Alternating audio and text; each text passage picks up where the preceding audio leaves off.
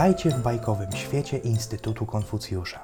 Podczas naszych spotkań dowiecie się więcej o chińskich legendarnych podróżnikach, filozofach, magicznych zwierzętach i odległych królestwach.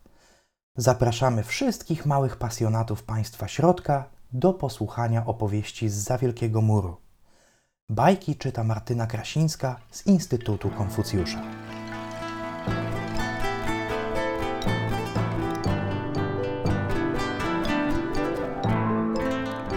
Wszyscy z Was pewnie wiedzą, ale dzisiaj obchodzimy bardzo ważne święto dla wszystkich instytutów Konfucjusza. Tak się składa, że 28 września, ponad 2000 lat temu w Chinach, urodził się Konfucjusz, jeden z największych filozofów na świecie. Ponieważ nauki mędrca były podziwiane przez wszystkie pokolenia Chińczyków, wybrano go na patrona instytutów, które rozsławiają chiński język i kulturę na całym świecie. Z okazji urodzin Konfucjusza przygotowaliśmy dla Was bajkę o jednej z podróży chińskiego filozofa, podczas której poznał on wyjątkowego chłopca. Jeśli chcecie usłyszeć całą historię, zostańcie z nami. Legenda o Konfucjuszu i piaskowym zamku. Dawno, dawno temu, w odległych zakątkach Azji, żył sobie Konfucjusz, który był znany ze swojej wielkiej mądrości.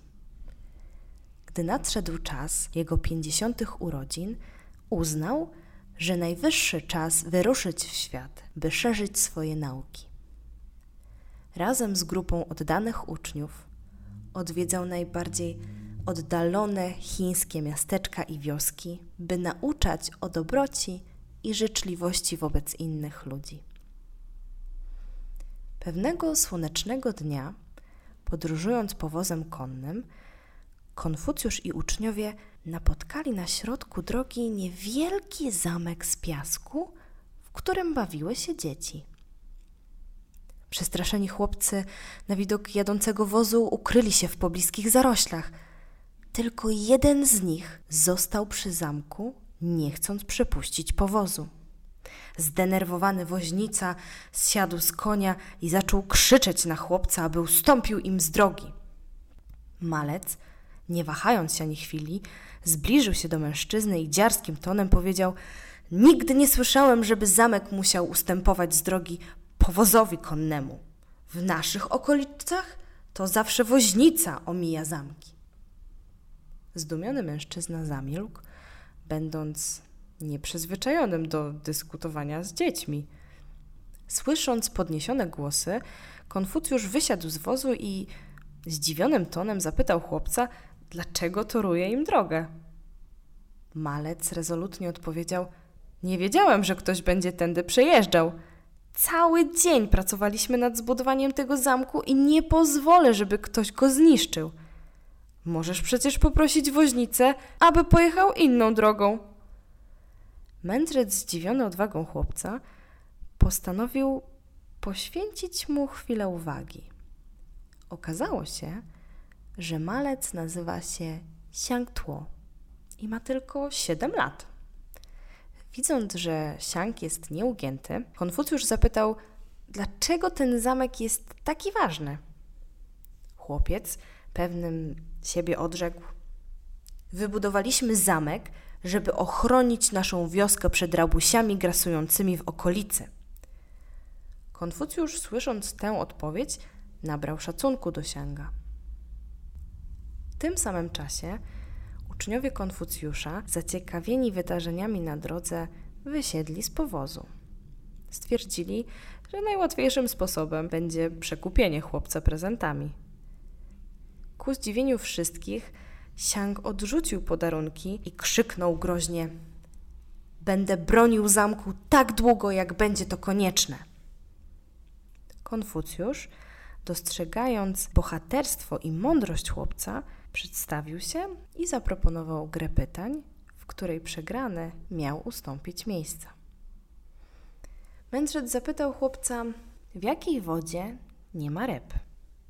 w jakim ogniu nie ma dymu, kiedy dzień jest krótki, a kiedy długi. Jakie drzewo nie ma liści? Kto nie ma dzieci? Chłopiec po chwili namysłu odpowiedział po kolei na każde pytanie.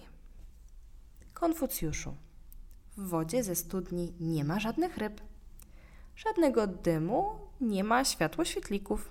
Krótkie dni są zimą, długie w lecie. Drzewa spróchniałe, nie mają liści.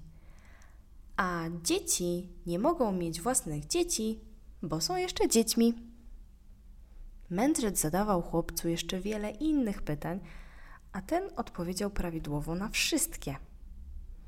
Konfucjusz poczuł, że może się wiele nauczyć od tego malca, więc postanowił traktować go jak swojego nauczyciela. Zaproponował mu dołączenie do grupy swoich uczniów, choć pod pewnym warunkiem. Chłopiec ma być zawsze taki odważny, ale musi też popracować nad okazywaniem szacunku osobom starszym. Po zakończeniu sporu zdecydowano, że powóz nadrobi drogi, by nie niszczyć piaskowego zamku, który zbudowały dzieci. Konfucjusz na koniec podróży zwrócił się do swoich uczniów, mówiąc: Nigdy nie wiadomo, kogo możecie spotkać na swojej drodze, ale pamiętajcie, że od każdego możecie się czegoś nauczyć. Trzeba dostrzec czyjeś dobre cechy i podążać za nimi, a słabości próbować naprawić. Wkrótce Siang stał się jednym z najbardziej oddanych uczniów Konfucjusza i resztę swojego życia spędził na podróżowaniu po Chinach i nauczaniu.